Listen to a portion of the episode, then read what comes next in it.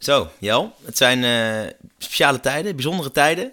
Eh, dat vraagt natuurlijk ook van ons voor een, eh, om een special. Hè? Het klinkt natuurlijk toffer dan het is, want het is natuurlijk vreselijk wat er allemaal in, in Europa gebeurt.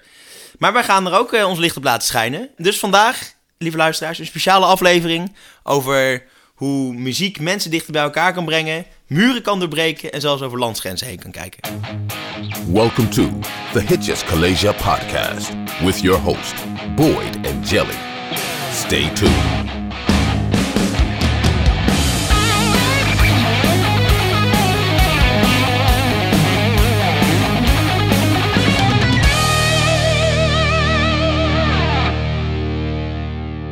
Ja, daar zijn we weer. Jel, welkom. Ja, dankjewel. Ja. Voordat we beginnen, eh, kunnen we deze podcast niet maken zonder onze lieve muzikale vrienden, eh, de vrienden van de show. Dus bij deze een klein bedankje voor Jelle, Stijn, Karen, Charlotte, Max van T, Renate en Jiddo.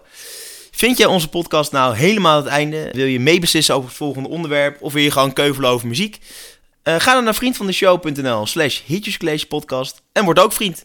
Voor nog maar minder dan, nee, 2 euro per maand. Nou, Ja, niks. praten we over. Dat is echt helemaal niks. Ja, goed. Nou, dan hebben we dit allemaal eh, hè, afgerond. Ja. Is misschien meteen tijd om onze nieuwe rubriek te introduceren. Ja, een nie- nieuwe rubriek. Eh, Zo, zo, wordt, zo krijgen, hebben we steeds meer kapstokken eh, om eh, jullie vanuit verschillende hoeken met feiten en nieuws te bes- bestrooien vanuit de muziekwereld. En deze rubriek eh, zal heten de Fonds van de Week. Ja. ja, in ieder geval voor nu. We moeten het natuurlijk nog een beetje eh, vormgeven. Ja, voor nu Fonds van de Week. Wie weet bedenken we er nog wel een jingles bij. Maar voor nu Fonds van de Week. En Ja. eh, deze keer als eerste Boyd met zijn Fonds van de Week. Eh, Ja, of moet ik het concept nog meer uitleggen? Nou ja, leg, geef even een beetje context. Nou, het is natuurlijk zo, iedereen die ontdekt wel eens nieuwe muziek. En eh, met name Spotify is er erg goed mee om, eh, om jou precies te geven via allerlei logaritmes wat je denkt dat je wil hebben. En het meeste vind ik altijd troep. Alleen af en toe of hoor je wat op de radio of kom je ineens wat tegen of denk je... Holy fuck dat ik hier nooit eerder van heb gehoord. Ja. En daar is eigenlijk deze Fonds van de Week een beetje voor.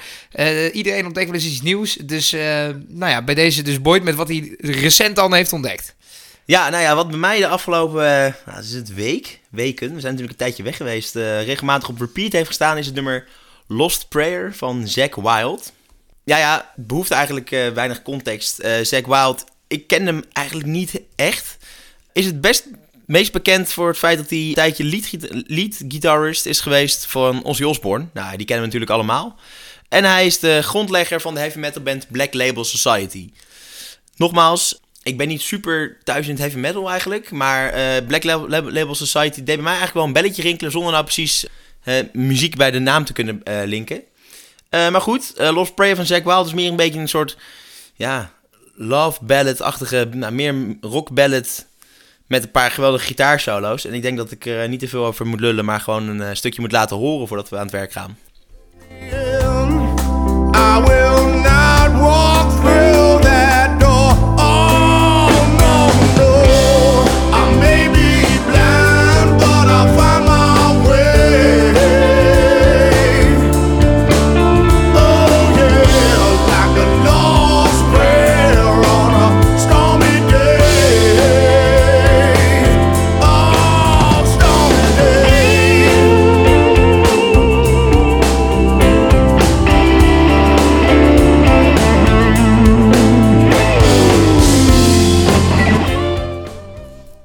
Eerste reactie is dat het wel een goede tune is. Het is voor iedereen eigenlijk wel toegankelijk, denk ik. Ook voor iemand die niet echt van de normale harde gitaar of, eh, of, of rockmuziek is. Het is natuurlijk wel... eh, ja, de, inleiding van heavy metal die je gaf, eh, dat gaat hier voor mij nog niet zo heel erg op. Nee, je Maar- hoort, maar je hoort wel dat er een, een heavy metal stem... dat hij een heavy metal stem heeft. Ja, ja, ja, hij heeft er moeite mee om het een beetje liefdevol te ja, maken. ja, ja, inderdaad. ja. Het is heel, heel rauw wel. Het is, ik denk dat ik het de muziek leuker vind dan de stem. Ja, rauw. Dat is inderdaad wel een goede, goede duiding inderdaad. Ja. Ja. het is echt Ja. vooral heel rauw. Maar ik vind het wel leuk. Ik heb hem gelijk eventjes eh, zo in mijn lijstje gezet. Ah, let's Eh, go. Kijk. Dus dit, is, dit zijn de, de wekelijkse fondsen die ik ook eh, die, ja, die ik graag van je hoor. Lekker man. Nou, dankjewel.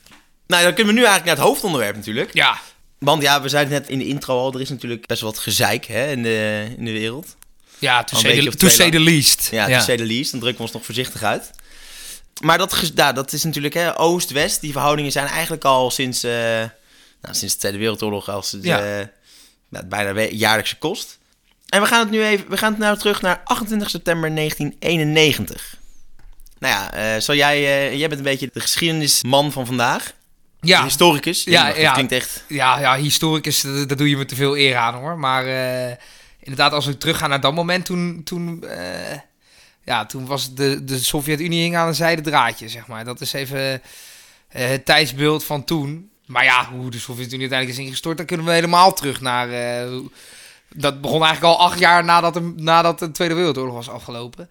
Maar, maar het, werd, ja, vrij... eh, ja, wel vrij heet onder de voeten van Gorbachev op het moment dat, nou ja, de, het concert waar we het vandaag over gaan hebben plaatsvond. Ja, ja, want we gaan het dus voor de duidelijkheid hebben over Monsters of Rock Moskou. Hè? Het festival wat op 28 september 1991 plaatsvond in eh, Moskou, dus logischerwijs. Op het Tushino vliegveld. Wacht even, op het vliegveld. Ja, ja, een soort airstrip, zeg maar, airfield. Oh, dus ja, je moest ergens zoveel mensen kwijt natuurlijk. ja, ja, wat, hoeveel mensen waren er uiteindelijk eh, op het hoogtepunt? Nou, de verhalen lopen eigenlijk uiteen. Oké. Eh, Ik weet dat de organisatoren op een gegeven moment zeiden... joh, je moet blij zijn als er 100 man op afkomt. Dat op een gegeven moment werd het al... oké, nou, misschien zijn er duizend. Totdat er op een gegeven moment rond het begin van het festival... Nou, fest, ja, concert 300.000 man was. Uiteindelijk vij- een half miljoen. En eh, dat volgens ja, het- de organisatoren zelf uiteindelijk 700.000 mensen waren, zijn geweest. En terwijl het gerucht gaat, zeg maar, ja, de, urban- de, de mythe is eigenlijk dat er Ja, ja. anderhalf miljoen mensen op het veld stonden. Ja, eigenlijk. zo even van mond tot mond, eh, een beetje Ja. overdrijven, maar tegelijkertijd ook weer niet. Ja, ja het, was, het was in ieder geval ongelooflijk druk. Ik heb gelezen dat ooit, eh, of laat ik zo zeggen, ik heb ooit gelezen dat het het op één na meest bezochte concert ooit is geweest. Zo. Dat er één grote concert is geweest in Parijs en dat dit daarna het grootste was. Maar Oké, dat- ja, ik weet in ieder geval dat het het grootste rockconcert is eh, uit de geschiedenis van de Sovjet-Unie. Wat niet heel gek is. nee, oké. Dat is natuurlijk het ijzeren gordijn. En van de Russische Federatie. Dus ja, Rusland nu. Ja, oké, oké. Ja, maar goed, ja, overtreft het aantal maar. Maar goed, ja. Ja, nou ja, een stukje, hè, even context voor het concert, van, het- van het concert. Er kwamen eigenlijk een hele hoop bekende westerse rockers, zoals ACDC, Metallica, eh, de Black Crowes en Pantera, eh, naar Moskou om Moskou hè, op hun grondvest te laten trillen. En misschien Ja. wel de airstrip op zijn grond, grondvest te laten eh, trillen. En er kwamen, ja, daar kwamen dus honderdduizenden Russische jongeren, een beetje ja, vrijpostige jongeren, kwamen daar op dat geluid af richting Moskou met tentjes en slaapzakjes om ja, aanwezig te zijn bij dit, bij dit gigantische concert. Mhm. En wat bijzonder is, is dat, dat drie maanden later de Sovjet-Unie uiteenviel. Ja, en dus, dus er wordt verband gelegd met dat concert, bedoel jij? Ja, er is een theorie dat, de, dat rockmuziek dus heeft bijgedragen aan de val van de Sovjet-Unie. Ja, oké, oké. Maar was het dan omdat die muziek zo was tegen de Sovjet-Unie? Nee, toch? Het was toch gewoon een, ze speelden toch gewoon een eigen oeuvre? Ja, zeker. Maar het zijn natuurlijk wel westerse bands of zo, waardoor... Ik denk dat het hem vooral zit in het feit dat er natuurlijk heel- niet heel veel openheid was tussen Rusland en het Westen. En dat er dus de, maar de rockmuziek, die ja, wij allemaal konden, hè, waar onze ouders mee zijn opgegroeid, dat die niet bekend was in de Sovjet-Unie. En dus Nee, op die manier. Ja, dus, dus, dus, dus eigenlijk... De... door dat deurtje open te zetten, Ja, is het, ja, dat was eigenlijk natuurlijk het eind, het begin van het einde. En dat, dat begin van het einde, dat was natuurlijk eigenlijk al tien jaar voor dat concert. Ja, precies. Want inderdaad, als je het even geopolitiek bekijkt, dan, dan, dan begint dat eigenlijk al op het moment dat nou ja, Stalin er niet meer is, in 53. Dan eh, Mhm. hebben we het even over nog, hebben we even goed rekenen, bijna 40 jaar daarvoor. Want nou ja, die had natuurlijk nogal een legacy achtergelaten met mensen in de gulags dumpen. En eh, ja, dat was een boef. je werd om, omvergeschoten als je een andere mening had en zo. Ja. Nou, daarna kwam Nikita Khrushchev. En die deed aan de zogenaamde destalinisatie. Wat er eigenlijk op neerkwam dat hij niet meer zo streng zou zijn als Stalin. Maar een puntje bij paaltje, als je een andere mening had, werd je inderdaad niet verrotgeschoten. Maar werd je in een psychiatrisch ziekenhuis gedumpt. Waar je ook wel je levenslang niet meer uitkwam. Dus daar had je in principe ook niet hevel aan. Wel daad bij het woord gevoegd. dan. ja, ja, dus die Khrushchev was nog niet zo heel denderend. In de jaren 60 veranderde er een hoop, want toen wonnen de Russen uiteraard die space race. hè. Yuri Gagarin, eh, eerste satelliet, eh, Ja. Sputnik. Sputnik, ja. Nou ja, dus, eh, en uiteindelijk was de bedoeling van Khrushchev dat er een soort vredig samen zijn zou zijn met het Westen. Want uiteindelijk dacht hij, wint communisme in principe al- altijd in de ontwikkeling. Ja. Want ze- hij vond dat de Russen al verder waren in hun ontwikkeling van hoe je samen, moest samenleven. Ja. En dat het Westen daar nog moest komen. Ja. Nou ja, ble- ble- bleek niet waar te zijn uiteindelijk. Van, was het idee ook niet van dat, zeg maar, we gaan iets opener worden, want dan zien mensen toch uiteindelijk dat communisme inderdaad de way to go is. Dus dat, dan gaat het alsnog, gaan we, wordt de wereld alsnog Nou, het, was, het was denk ik op het moment van dat concert waar jij het nu over hebt, was het al een kat in het nauw die een rare sprong Ja, ja, maar daarvoor was het idee, want we zijn alsnog de, de oppermachtige eh, theorie tegenover het kapitalisme. Dus Ja. hebben- ja, precies wat je zegt. Ja, Ja. precies. Ja, Ehm, maar er is een moment dat Khrushchev eigenlijk zichzelf in zijn voet schoot. En dat was toen hij tijdens een speech aan westerse ambassadeurs op de Poolse ambassade in Moskou. Ja. Dat is even ingewikkeld, maar het is de Poolse ambassade in Moskou waar allerlei verschillende westerse ambassadeurs bij waren. Ja. een speech. En toen zei hij in, eh, in een goed Russisch: eh Mi was eh, Pogoronim. Nou ja, dat excuse my Russian. eh, maar ehm, dat betekent zoiets als we will bury you. Dat klinkt Ah. niet erg vriendelijk. Maar Tegenover het Westen, zei hij. ja, eh, dat heeft hij uiteraard in andere dingen, andere woorden waarschijnlijk geprobeerd te zeggen. Maar eh, dat was wel zoiets van, hey, is dit nou een bedreiging? En met name voor de, de landen die in het Warschau-pact zaten. Nou ja, voelde dat wel als een threat. Dus hè, de Baltische Staten en Polen en zo. Ja, ja, ja. Pact was tegenreactie op de... Nou, het Warschau-pact was zeg maar de, de waren zeg maar de vazalstaten van die bij, bij de Sovjet-Unie hoorden. Dus dat was een beetje dat ijzeren gordijn, zeg maar, Mhm. Ja, waar we ja, het over hebben. Dus Oost-Duitsland, maar ook eh, Letland, Estland, Litouwen, Hongarije, Polen, Tsjechoslowakije, eh Ja, Roemenië, die noem ze landen. maar zeg op, noem ze maar op. Ja, eh, die zaten in dat Warschau-pact. En nou ja, overal braken toen rellen uit, want ze dachten zoiets van, ja, hallo. Wat is dit nou? Eh, wil Rusland ons nou niet hebben? We, we- zijn first vazalstaten. Hier hebben we geen trek meer in. Flikker maar op. Eh, dus Ja. dus, eh, nou, die, die, wat ik zeg, die Khrushchev had zichzelf in zijn voet geschoten. Er kwamen een hoop, crisissen bij. Crises, moet ik dan denk ik voor Ja, De Cuba-crisis, waarvan het bekendst is, hè. Dat Castro eindelijk de macht had in communistisch Cuba. En dat toen daar wapens neerzetten. Nou, dat was een hele crisis natuurlijk. eh. Het scheelde niet veel, Het uiteindelijk. scheelde De- inderdaad, de- daar scheelde het niet veel.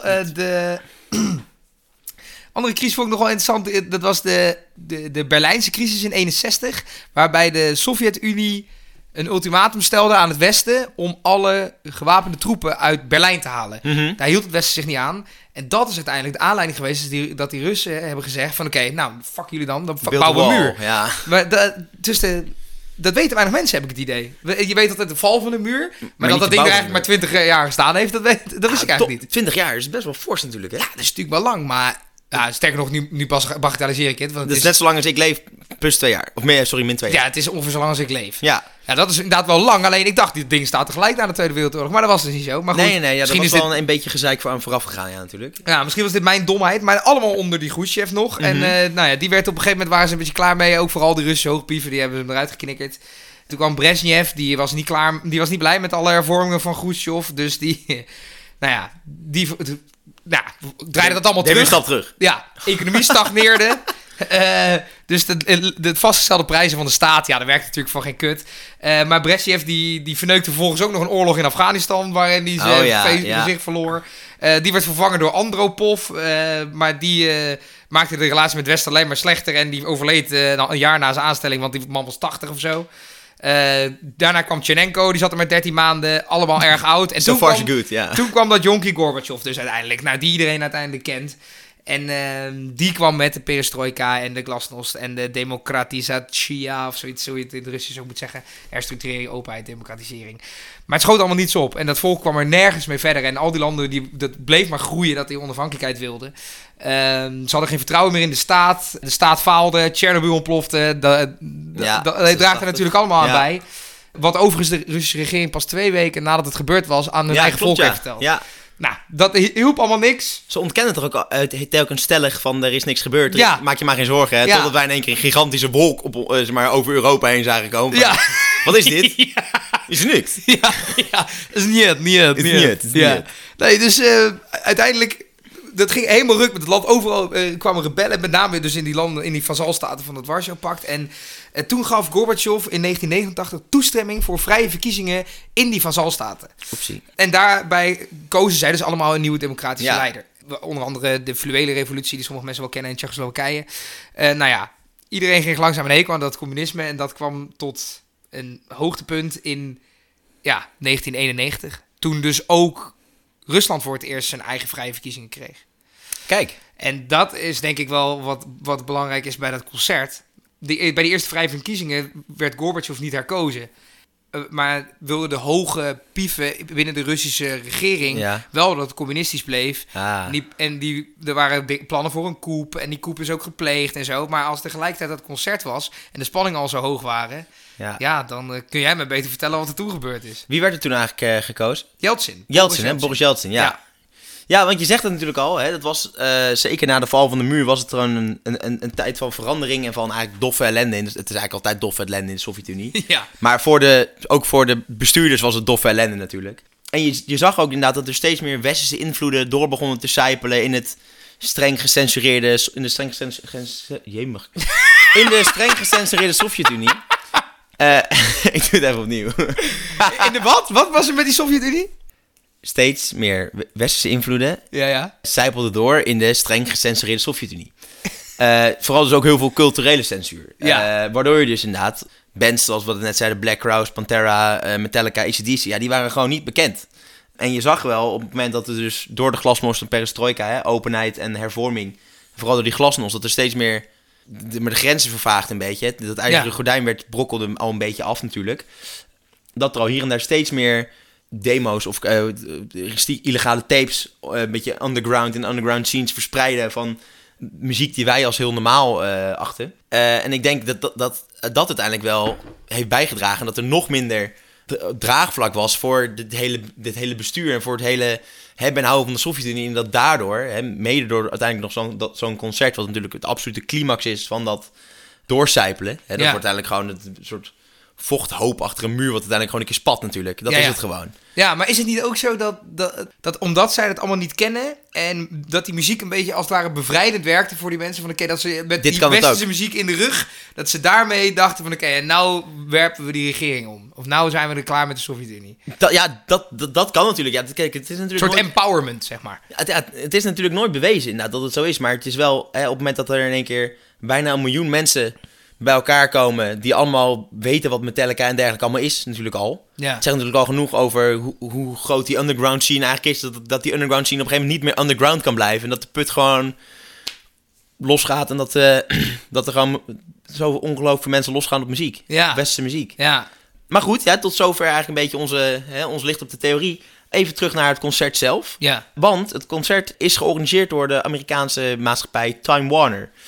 En zij wilden eigenlijk de, eh, de aan vrijheid en democratie ontnomen Sovjet-jeugd... een beetje een muzikaal cadeau geven. Wat natuurlijk ook volledig in hun eigen, wat volledig hun eigen voordeel was.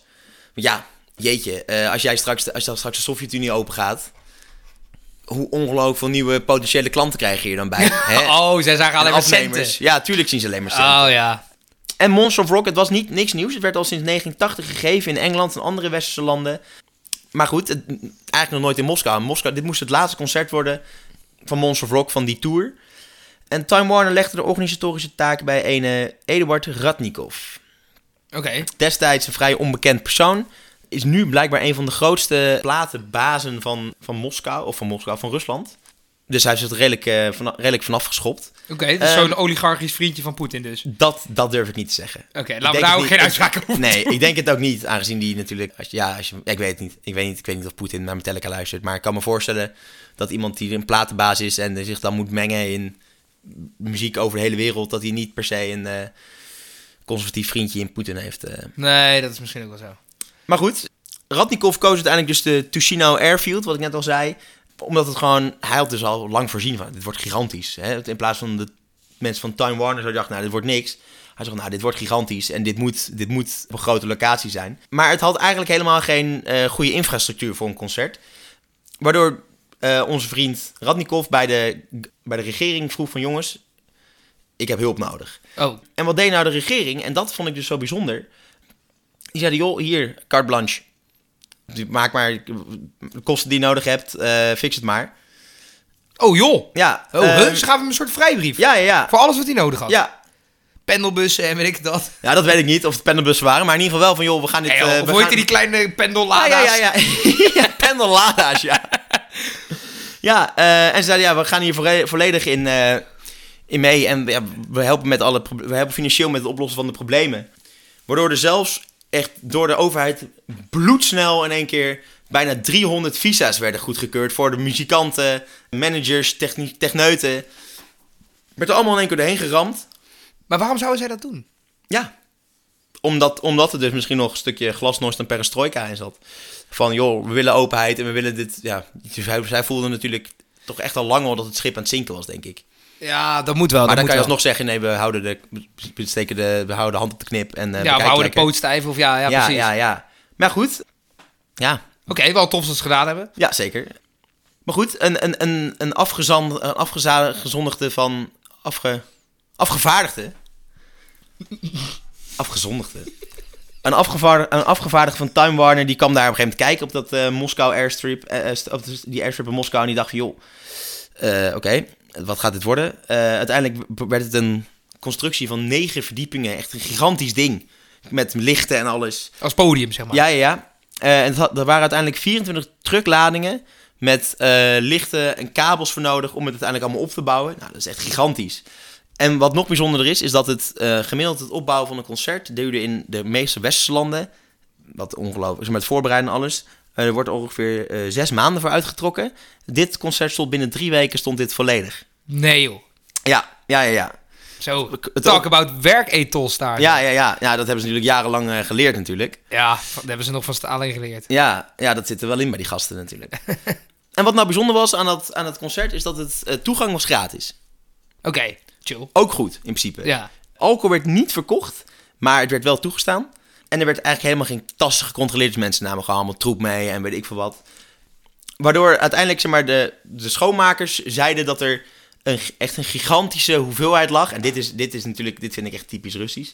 Aan glazen flessen van 3 liter. Eh, ja, zelfgestookte troep en zo. ja, ja. Eh, gewoon glazen en allemaal plastic jerrycans vol met drank. Die lagen uiteindelijk over op dat terrein. Oké. Ja, Ja, typisch Russisch. Typisch Russisch, ja, ja. ja. Waardoor uiteindelijk, ja, het, het, het overgrote deel van, van de aanwezigen gewoon knetterzat was natuurlijk. Ja, waarschijnlijk. En ja, geef je dus ongelijk natuurlijk, want eh, ja, je hebt jarenlang eh, misschien wel nooit een echt een gigantisch eh, feest gehad. Ja, zo. Je moet, ja, moet je je voorstellen dat je zo lang hebt vast, vastgezeten. Ja, je woont wel in een land, maar je zit daadwerkelijk vast, hè? En wij hebben natuurlijk ook als het ware natuurlijk twee jaar op slot gezeten. Ja, maar dat is toch in de verste Maar moet je nagaan, ja, precies, nee. Moet, moet je nagaan. Hoe kut wij dat al vonden. Ja, als je gewoon, maar ja, Stel, je hebt je hele leven... Stel je... Ja. Het enige wat ik daar tegenover kan zetten is... Zij wisten niet beter. Nee, oké. Eh, maar het lijkt mij dus juist dat doordat zij het beter leerden weten, maar het nog steeds niet konden, dat dat wel de bom doet barsten dan, toch? Ja, want jij... Want inderdaad, het is eigenlijk hetzelfde als een coronapandemie hebben, die er eigenlijk niet meer is, maar je moet nog wel nog steeds in lockdown. Hoezo? Weet je wel, inmiddels weet ik van al die tapes die je noemde, Underground, dat, je, Ja. dat het er allemaal is. En waarom is het dan niet? En nou ja, dan kwam er dus toch een concert. Ja, ja het, het, het voordeel was natuurlijk wel dat je het... Zo'n land was, alsof, of überhaupt een land was wel makkelijker te censureren destijds natuurlijk. Omdat het natuurlijk geen, eh, Geen internet. was. Nee. Want je kijkt, je kan je nu... Het is nu haast niet te doen. Nee. Dat je, dat, je kan niet heel Rusland censureren. Dat lukt gewoon niet meer. Nee, dat, nee, je ziet dat nu toch ook al. En dat vind ik wel... eh, dat als we toch even naar ja. het huidige mogen vertrekken. Ja. Dat had je dat gezien van die mensen die nou onder Russische restaurants gingen reageren. Nee. Oh, er zijn mensen, eh, gewoon in het Westen en zo, die reageren gewoon op, op, op internet. Reageren, reageren ze dan op Google Ads of zo, Google, weet ik veel, eh, die recensies dingen. Onder Russische restaurants van jongens, in het Russisch dan, of in het Engels. Van eh, wat jullie op, op jullie op de staatstv zien is niet waar, dit en dit is het geval. Gewoon zodat de Russen dat lezen en dat ze denken, hé, hey, huh? om, om maar die, die censuur te doorbreken. Oh, op die manier. Omdat die Russen zelf allemaal met propaganda worden. Ja, ja. Oh, En- oh, zo. Kijk, je kan ze natuurlijk wel van Twitter afgooien of zo, weet ik veel wat.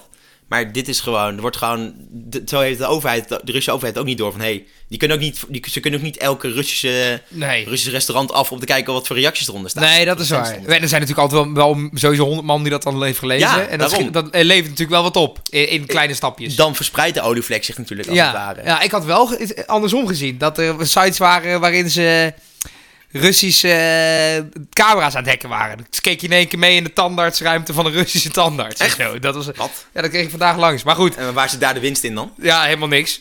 Maar gewoon Russen pesten. Dat was volgens mij een beetje de winst. Maar dat is natuurlijk niet de bedoeling. Nee, want dan heeft de normale Russische man die er dan... Ja, de Russische want er is burger- maar één boefje. Ja, en dat is Poetin. er zijn wel een paar boefjes, maar Ja, er zijn wel een paar grote boefjes. Poetin, en zijn vriendjes, dat zijn hele grote de rijke boefjes. Ja, Ja, ja, maar, en- en- maar goed, we drijven, we drijven heel Sorry, af. ja. Want, want bij dat concert, er zijn een paar dingen waar ik benieuwd naar ben. Dat is eerst, ja, wie, wie traden erop en hoe traden ze op en hoe was het voor hun? Wie traden erop? Nou, in principe, eh, het begon. De eerste band die speelde was de Amerikaanse metalband Pantera. Ja. Voor, voor de mensen Voor die de het niet kennen. introductie, gooi een stukje aan. Ja. Under my skin and call yourself a friend. I've got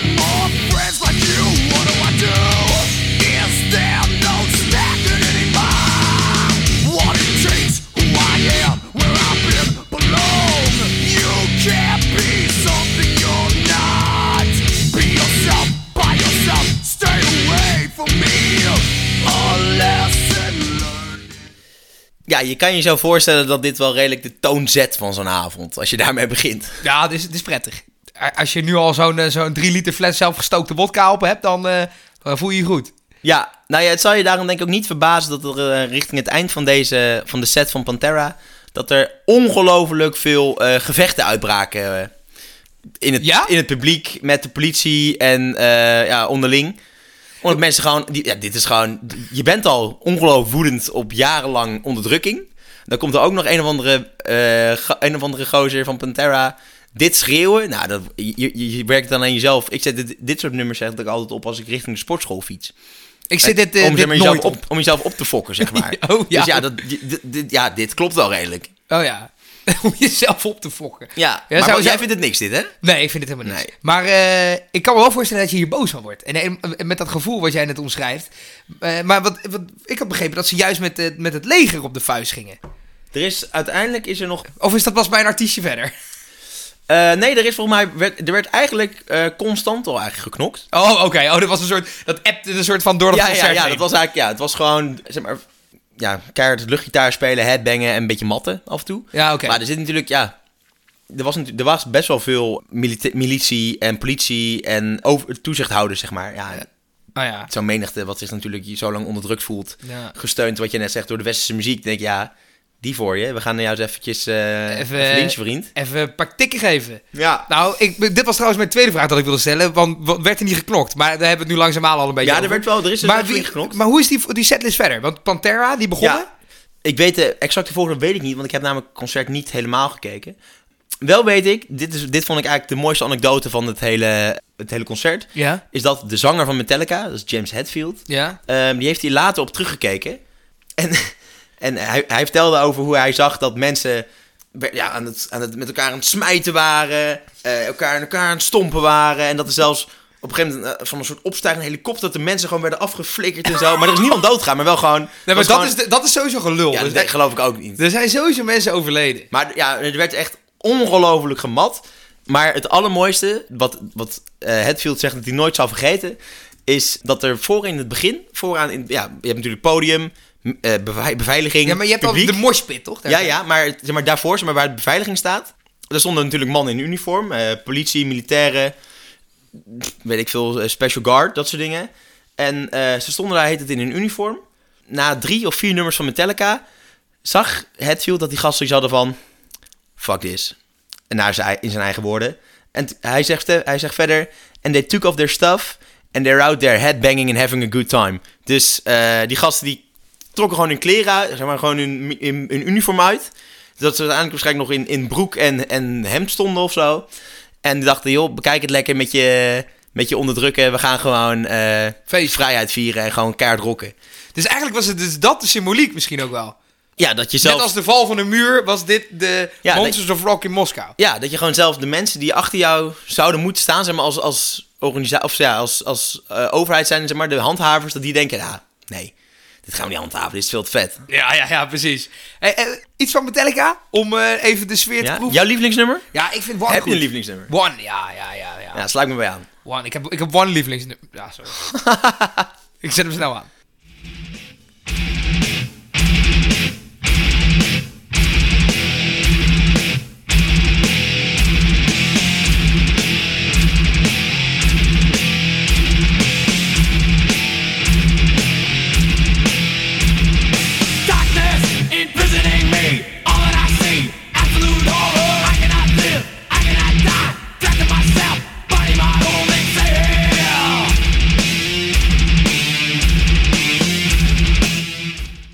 Ja, vooral dit perfecte stuk. Dit perfecte stuk. Ja, Ja, dit is echt on- ongelooflijke agressie. ja, dit, is, eh, dit is heel veel testosteron is dit. Ja. ja. Nee, eh, nou ja, goed. Nogmaals eh, even de sfeer, ja. Ja, nou, nog even een stukje Hitch College. Maar er zijn natuurlijk Hitch College, zo Hitch College niet zijn als wij geen Hitch College, Hitch College feit hebben. Ja, ja, nee, zijn wij, wij zijn niet de muzikale geohistoriek. Dat zijn wij niet. Nee, het, het zeg maar voor de, hè, je eigen context. Dit nummer gaat dus over een Eerste Wereldoorlogssoldaat die, hij zegt, I cannot hear, I cannot see, I cannot speak. Die zeg maar als een soort, ja, basket case, hè, dus we hebben de mannen van Green Day dat genoemd. Eh, gewoon iemand zonder eh, ledematen, afgeschoten, blind en doof, in een ziekenhuisbed ligt, wakker is geworden van het slagveld en gewoon eigenlijk opgesloten is in zijn eigen, in zijn eigen lijf.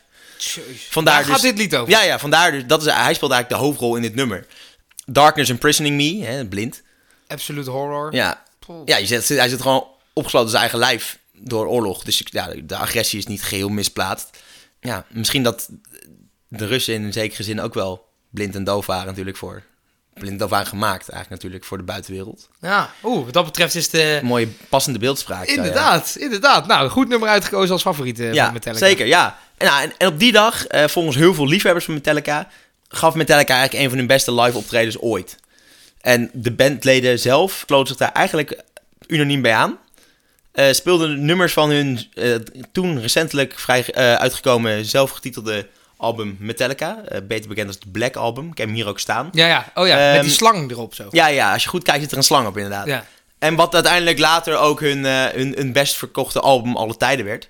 Volgens mij zelfs een van de Ja. destijds. Ja. 1991 uitgekomen toen ook. Ja, met NSM en Nothing Else Matters. Ja, ja, klopt. Ja, dat was trouwens, 1991 was trouwens een geweldig jaar voor, Muziek. voor, de, voor de rockmuziek vooral. Ja. Je hebt nog wel meer van die jaren trouwens. Use Illusion komt dan ook uit, uit mijn hoofd.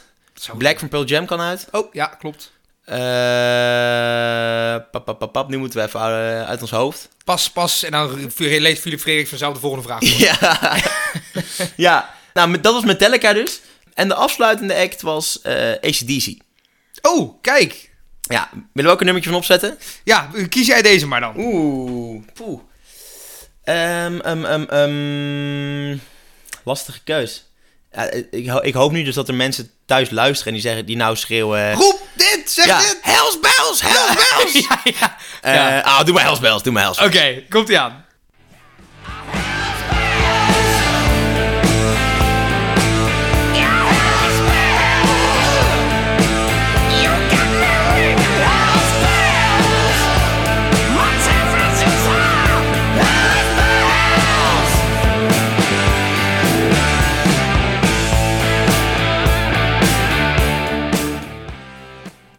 Die dus. Ja, toch, toch, toch elke keer weer beter dan ik de keer daarvoor vind. Ja? It's, it's growing on me langzaamaan, dat ACDC. Ja, jawel, jawel. Meestal is dat... eh, Het is ook vrij toegankelijke heavy metal, Ja, ja, eh, ja. hardrock. Ja, dat klopt. Dit, eh, dit is... eh, it's growing on me. Nou goed, dat wil ik even zeggen. Nou, heel goed. Dat Ja. is, eh, daar ben ik heel blij om. Dan horen we volgende keer horen dus bij jou bij de vondst van de week waarschijnlijk iets van ACDC. Ja, misschien als ik me er helemaal in duik. Dat zou kunnen. Maar ja, wie weet. Ik, heb- het is nog niet die week, dus je weet het nog niet. Nee, touché.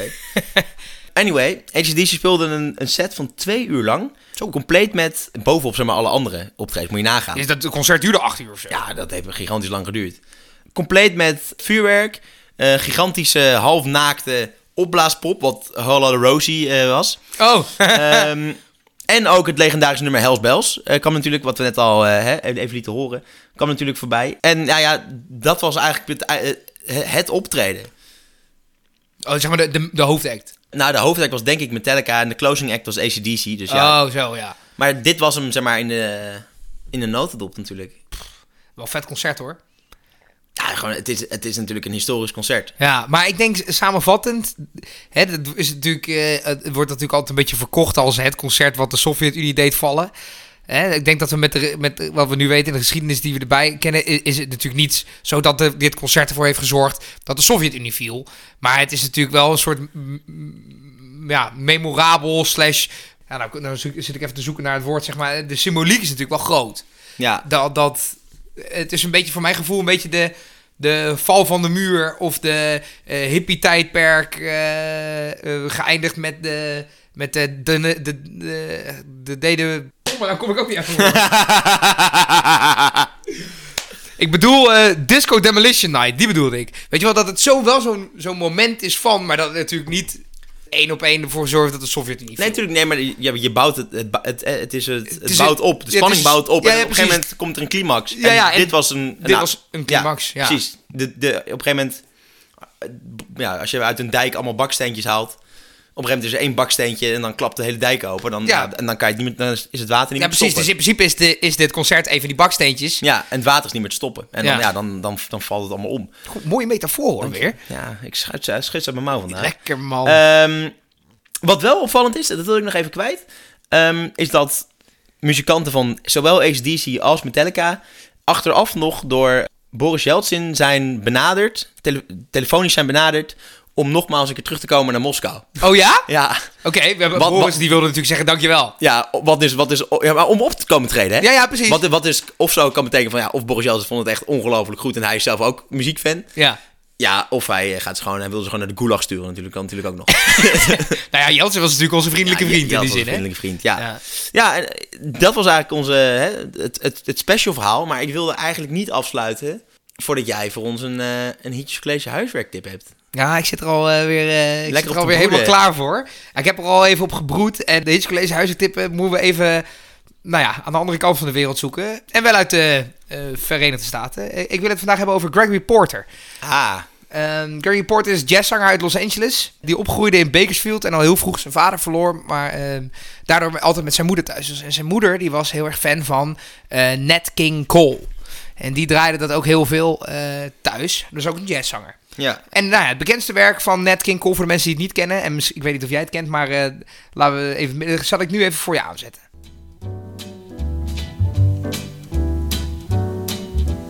L is for the Oh. way you look at me.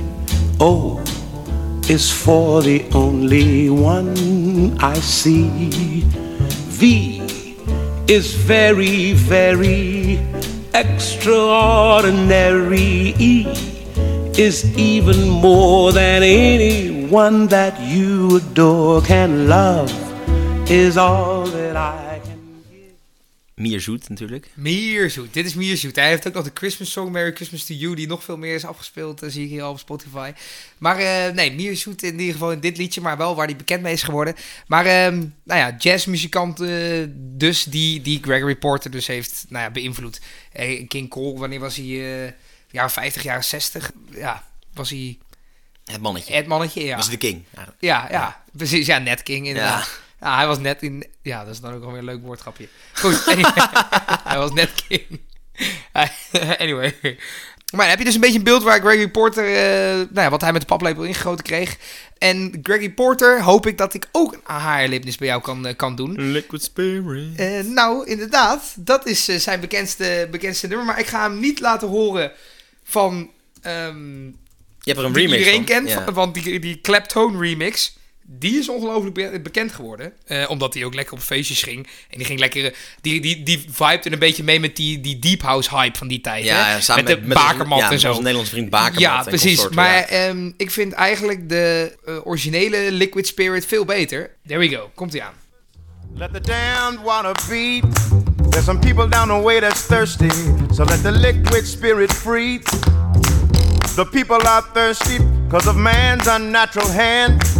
Watch what happens when the people catch wind. When the water hits the banks of that hard, dry land. Clap your hands now. Go ahead and clap your hands now. Clap your hands now. Go ahead and clap your hands now. Mm-hmm. Get ready for the wave. It might strike like a final flood. The people haven't drank in so long. The water won't even make mud. After it comes, it might come with a steady flow. Grab the roots of the tree down by the river. Dip your cup when your spirit's low. Clap your hands now. Go ahead and clap your hands now. Clap your hands now. Clap your hands now. Dip down and take a drink.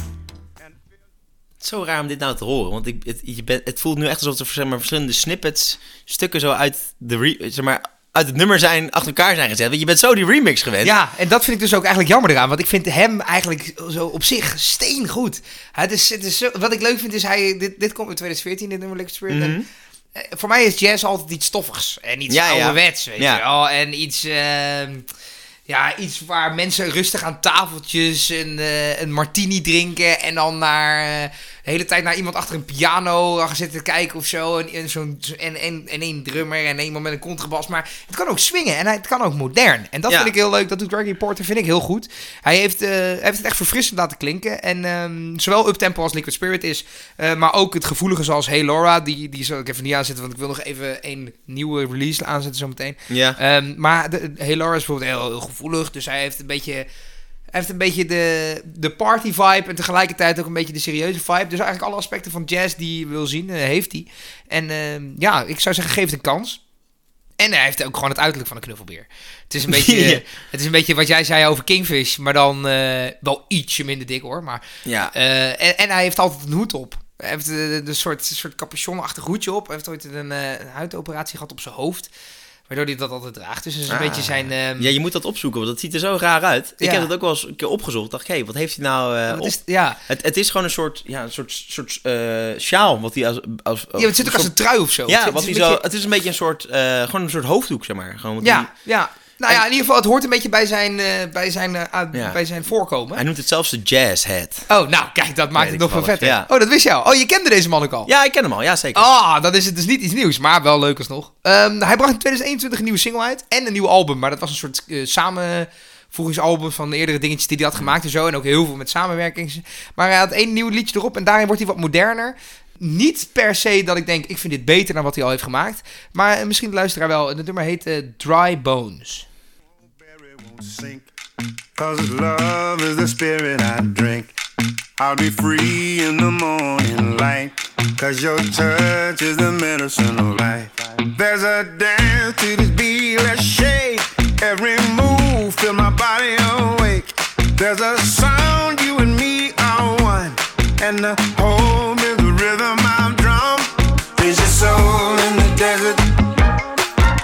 Are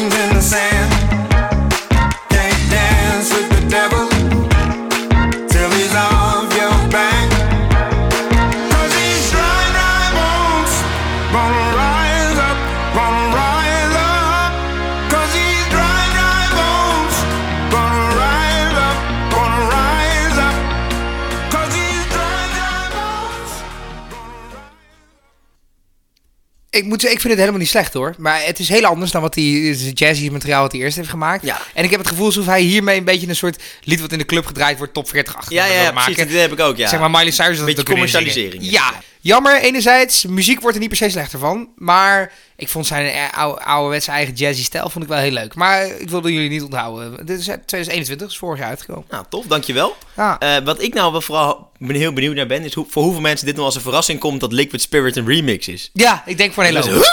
Ja. Nee, joh. Dat, dat- is zo Scooby-Doo achter. Ja. eh. Ja. Ja. Ja.